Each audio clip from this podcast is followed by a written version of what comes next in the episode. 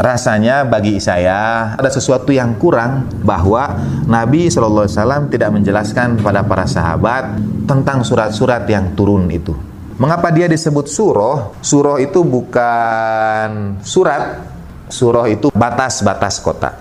Jadi surah Al-Baqarah bukan surat seperti yang kita maknai orang kirim pesan kepada kawannya yang lain, tidak. Tapi ia ditandai misalnya Al-Fatihah itu dari bismillah sampai waladhdallin. Itu batas-batasannya. Dan yang menentukan batasan ini adalah Rasulullah Shallallahu alaihi wa alihi wasallam sejak awal. Ini masuk surat ini, ini masuk surat itu. Di kelas tafsir ini kita singgung sedikit tentang makiyah madaniyah. Betul surat itu ada pembagian, tapi pembagiannya berdasarkan mayoritas. Tidak semua surat makiyah itu isinya makiyah. Tidak semua surat madaniyah isinya madaniyah. Karena penempatan itu Nabi SAW yang tempatkan. Boleh jadi keseluruhan surat itu makiyah, tapi ada satu dua ayatnya madaniyah. Sebetulnya begitu. Sebagai contoh, surat At-Taubah madaniyah atau makiyah? Madaniyah. Ia turun berkaitan dengan teguran Allah Ta'ala pada orang-orang yang menolak diajak perang tabuk. Itu di Madinah tapi empat ayat pertamanya dibacakan di Mekah. Yaumul Hajjil Akbar. Bara'atum minallahi wa rasuli. Dibacakan di Mekah empat ayat yang pertamanya.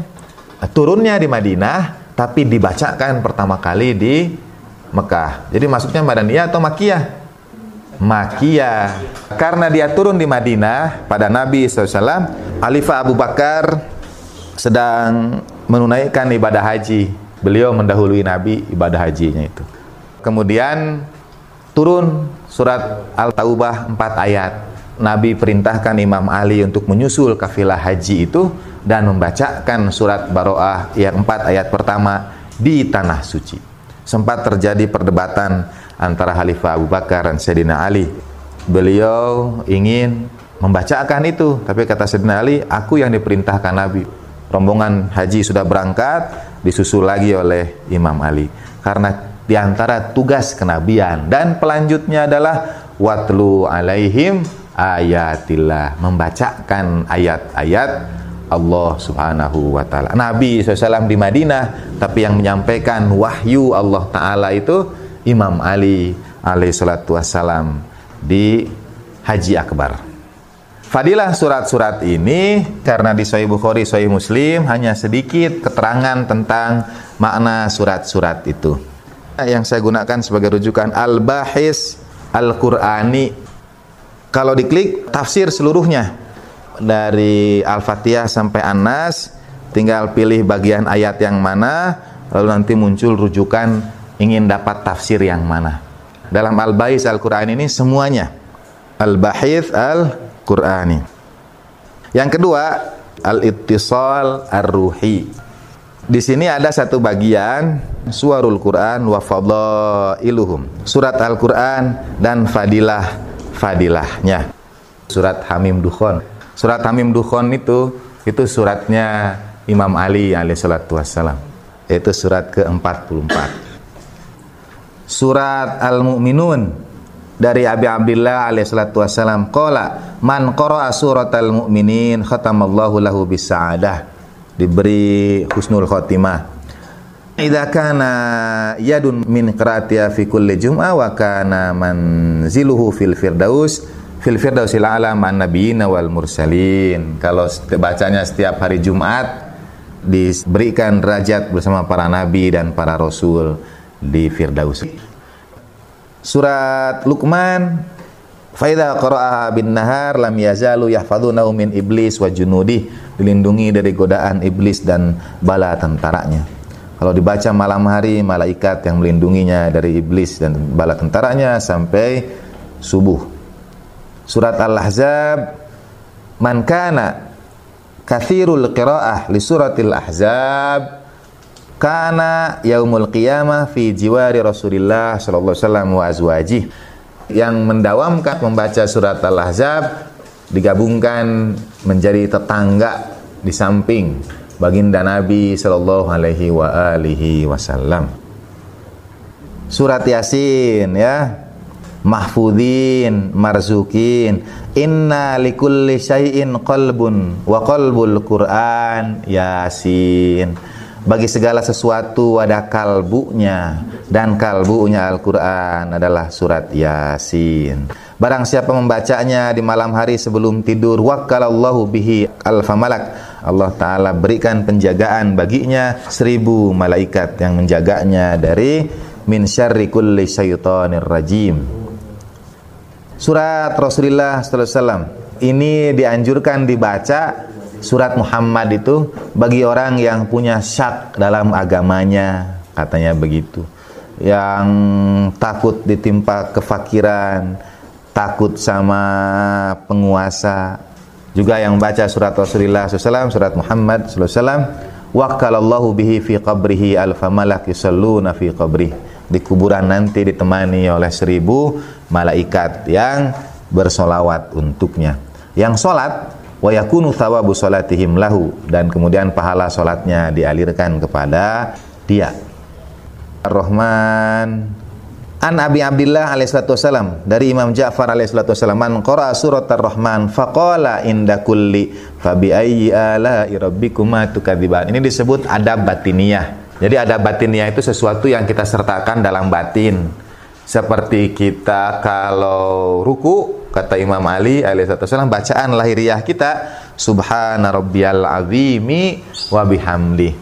Ada batiniahnya, amantu bika walau dorobta unuki Ya Allah aku beriman kepadamu walaupun kau penggal leherku itu. Nah itu ada batiniah. Jadi kita baca Subhana rabbiyal azimi wa bihamdi tapi batin kita membaca amantu bika walau dorobta unuki. Aku beriman kepadamu walaupun kau tebas tengkukku ini pada Allah Subhanahu wa taala.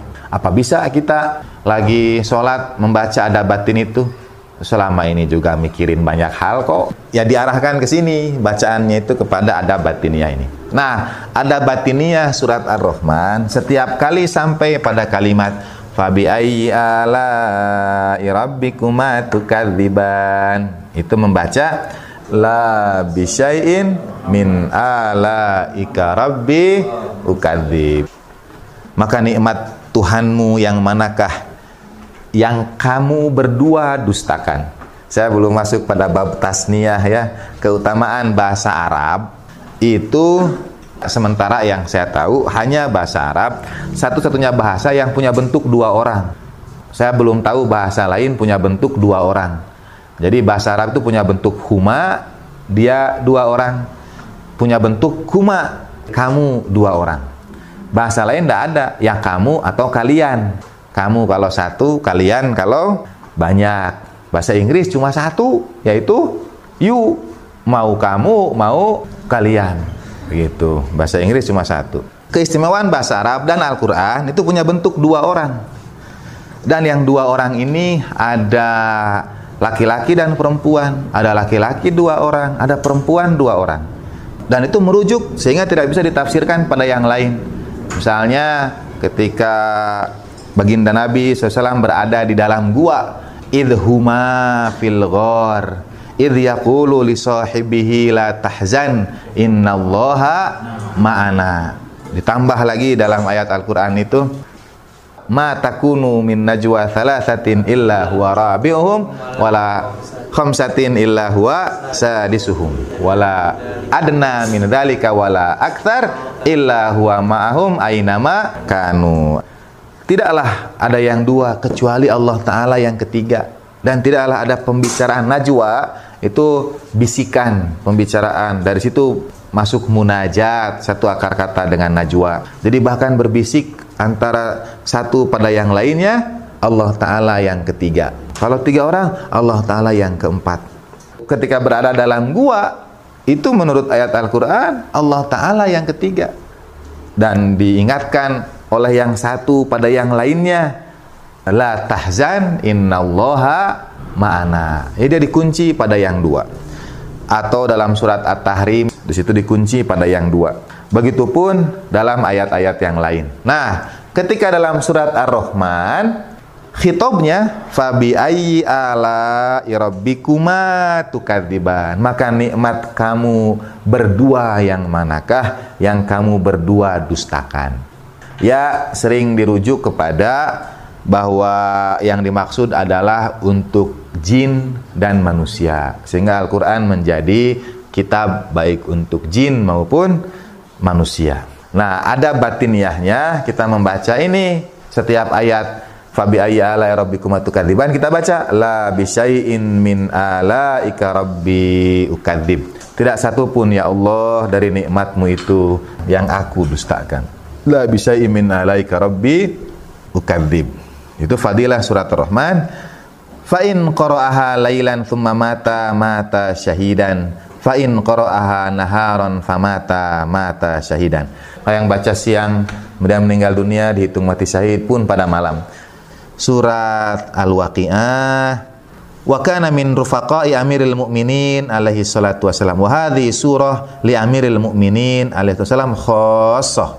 Surat Al-Waqiah itu yang bacanya menjadi rofiknya Imam Ali alaihi salatu wasalam dan surat ini turun khusus untuk Imam Ali alaihi salatu wasalam dalam surat Al-Waqiah itu ibu dan bapak ada pembahasan kita dibagi tiga kelompok wa kuntum azwajan salasa.